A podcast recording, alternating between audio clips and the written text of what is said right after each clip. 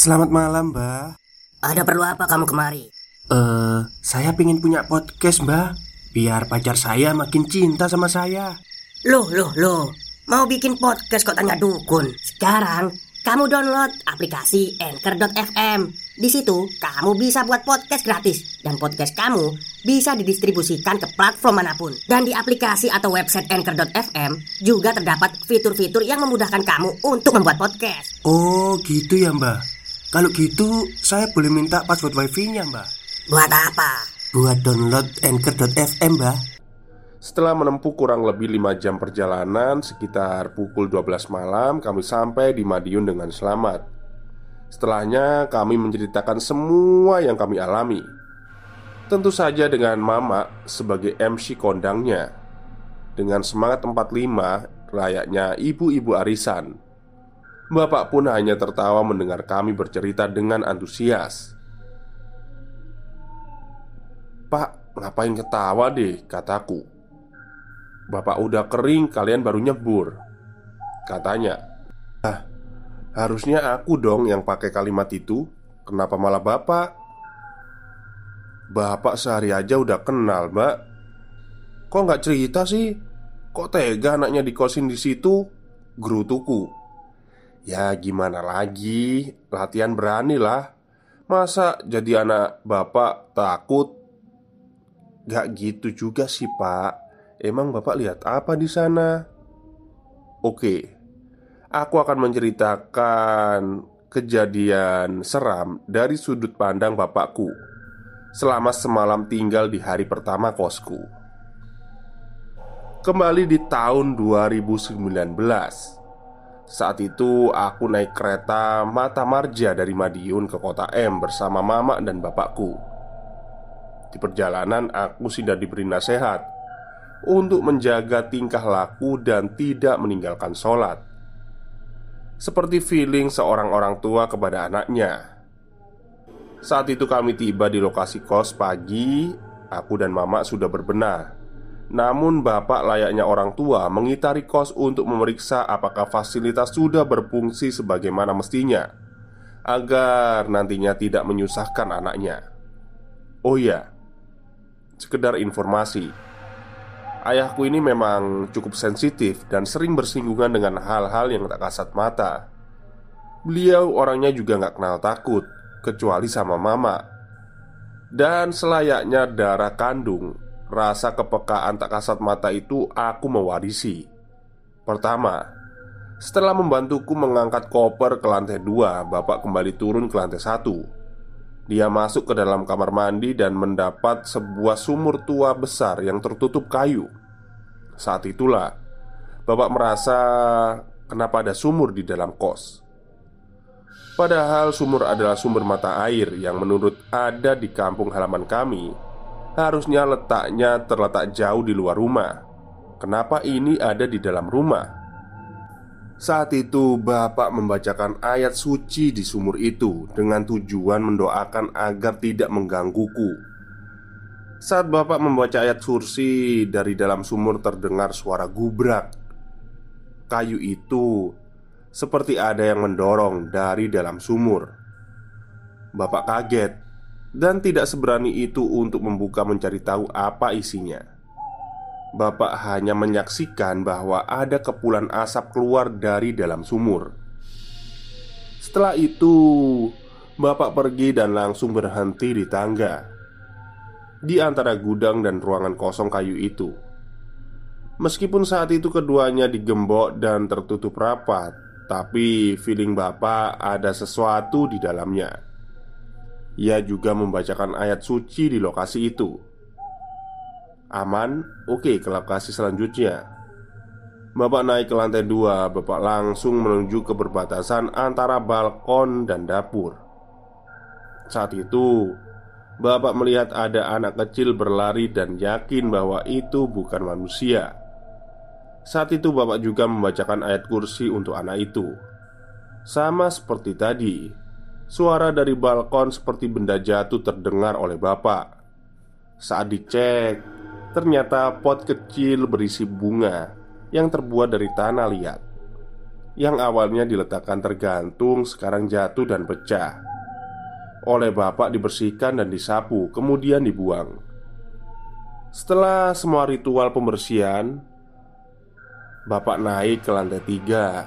Di lantai tiga Menurut penuturan bapak Bapak merasakan tiba-tiba pusing dan lemas Seakan-akan energinya diserap oleh sesuatu Bapak melihat banyak sekali potongan-potongan tubuh di sana.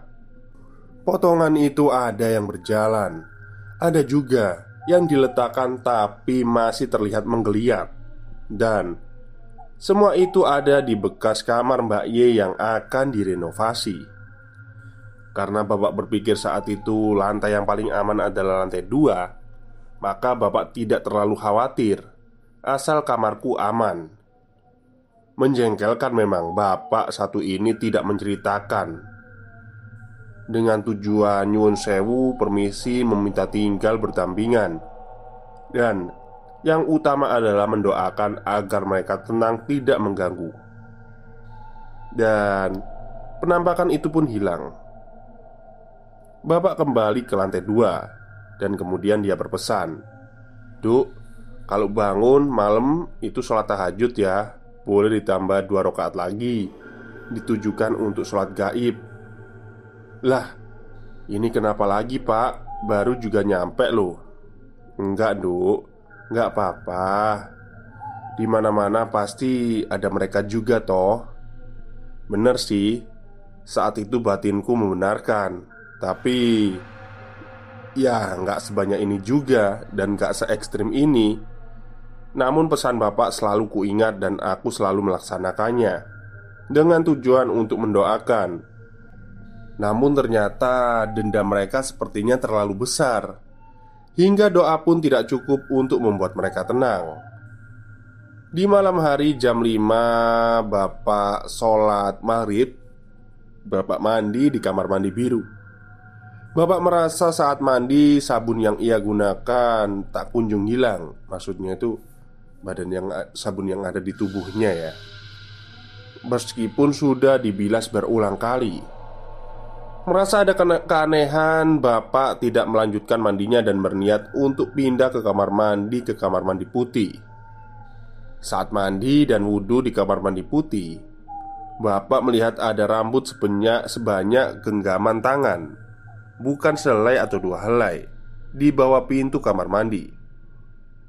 Dipeganglah oleh bapak rambut itu. Ditarik. Dan anehnya rambut itu menjulur sangat panjang. Saat itu Di saku bapak kebetulan ada korek. Dibakarlah rambut itu.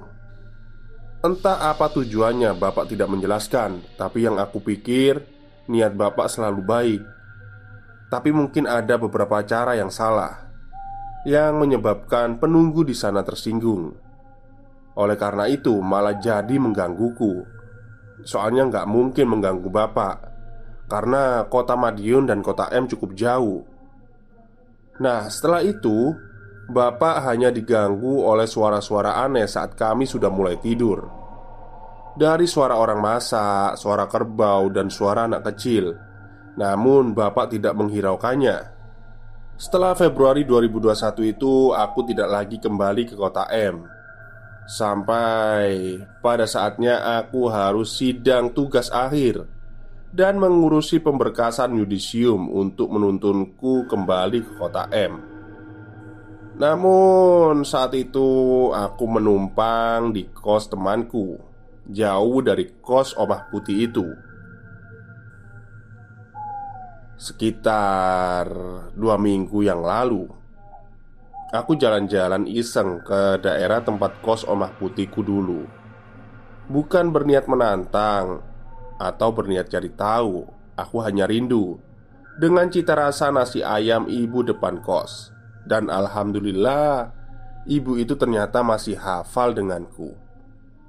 Percakapan pun mengalir Dan dari sinilah aku mengetahui beberapa rahasia dari kos omah putih ini Kondisi terkini kos itu diyakini kosong sekitar satu setengah tahun yang lalu Karena dari penampakan luarnya memang sudah tidak terurus penuh dengan material bahan bangunan.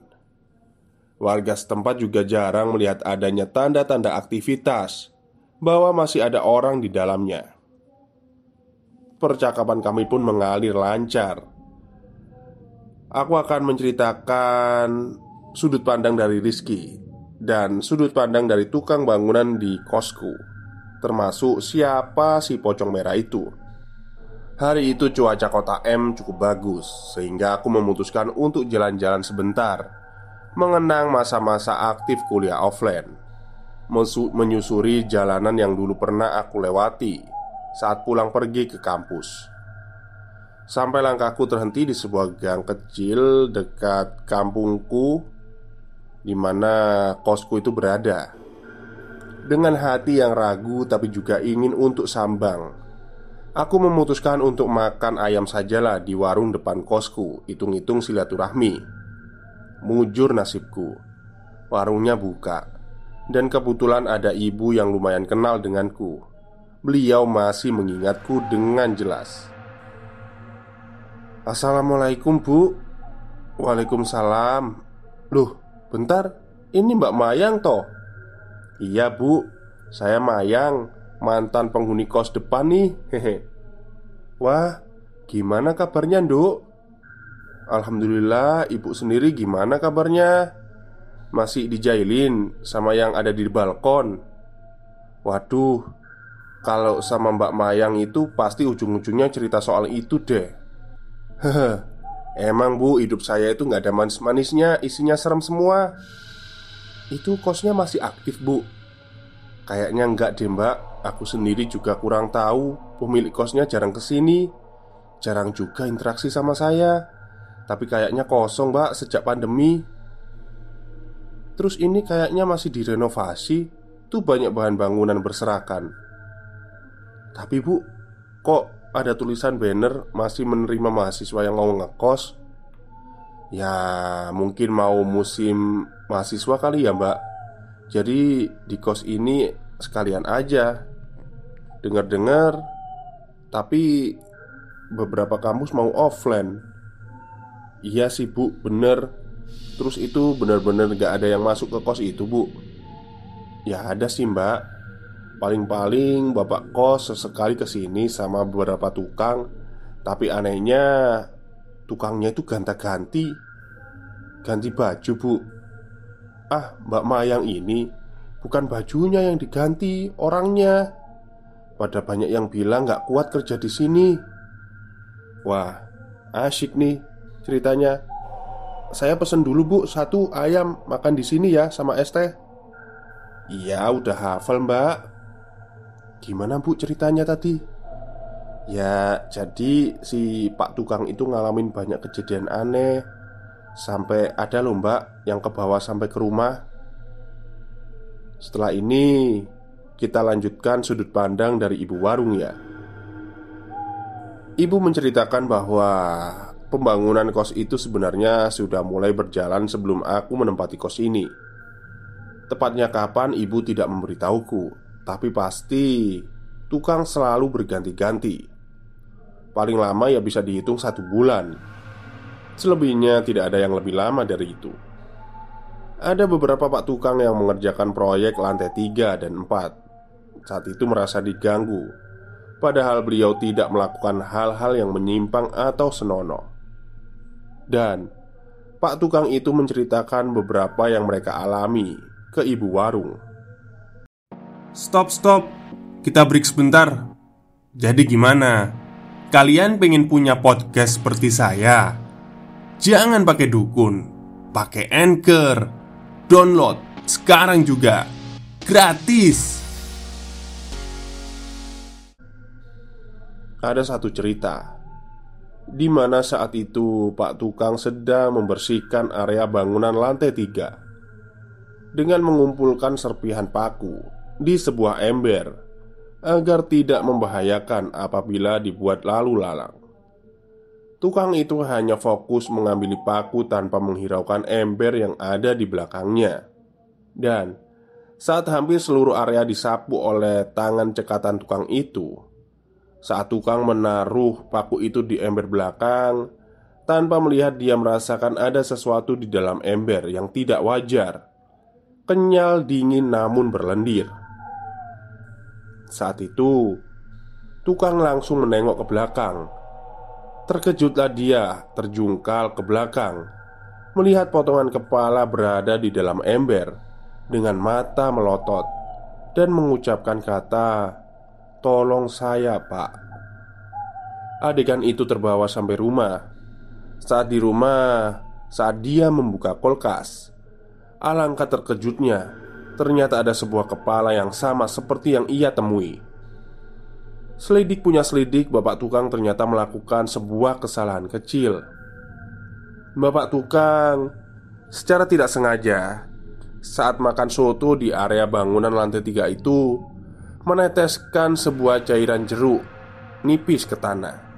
Umumnya cairan jeruk nipis itu tidak boleh langsung bersentuhan dengan darah. Namun anehnya ini hanya tanah namun memang tanah di lantai tiga itu berbau sedikit khas.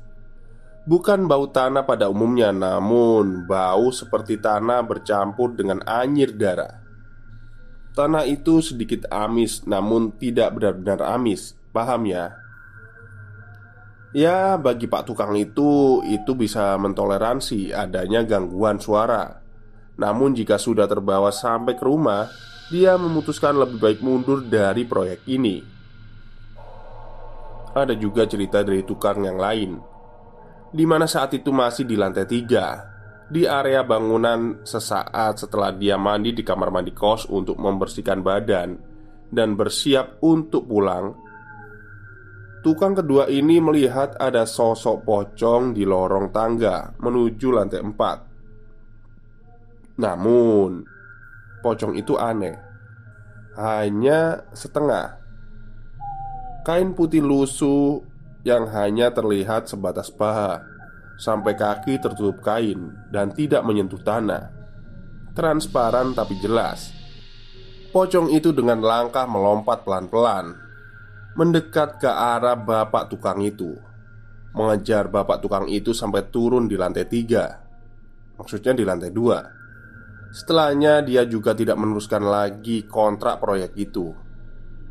Gangguan dari tukang yang lain hanya sebatas gangguan suara Dan peralatan yang bergerak sendiri Maupun melihat beberapa potongan tubuh yang pernah dilihat oleh bapakku di lantai tiga dulu. Sampai segitunya ya bu. Terus ini pembangunannya masih dilanjutkan bu? Iya mbak. Emang parah sih kos depan itu. Senyap suaranya ini kayaknya masih terus direnovasi Meskipun tukangnya sering ganti-ganti Terus bu, ibu tahu nggak asal usulnya kenapa bisa sampai kayak gini? Kalau saya sih nggak tahu pasti ya Tapi ibu saya, nenek yang tahu kadang suka cerita ke saya juga Itu gimana bu ceritanya? Kalau menurut nenek Dulu kos itu belum ada cerita seperti ini Aman-aman aja lah Mungkin hanya gangguan suara, kan itu wajar. Nenek itu tahu dari penghuni kos yang sering cerita ke nenek, termasuk Mbak Y, Mbak A, dan Mbak S, maupun Rizky di zamannya. Menurut nenek, gangguan aneh muncul saat ada anak perempuan cantik putih, namun terlihat beringasnya. Nah, itu bernama Rizky yang sering sekali cerita kalau dia diganggu semenjak mendiami kos ini. Rizky ini sering tiba-tiba merasa ketindian, mimpi maaf bersetubuh dengan orang yang tidak ia kenal.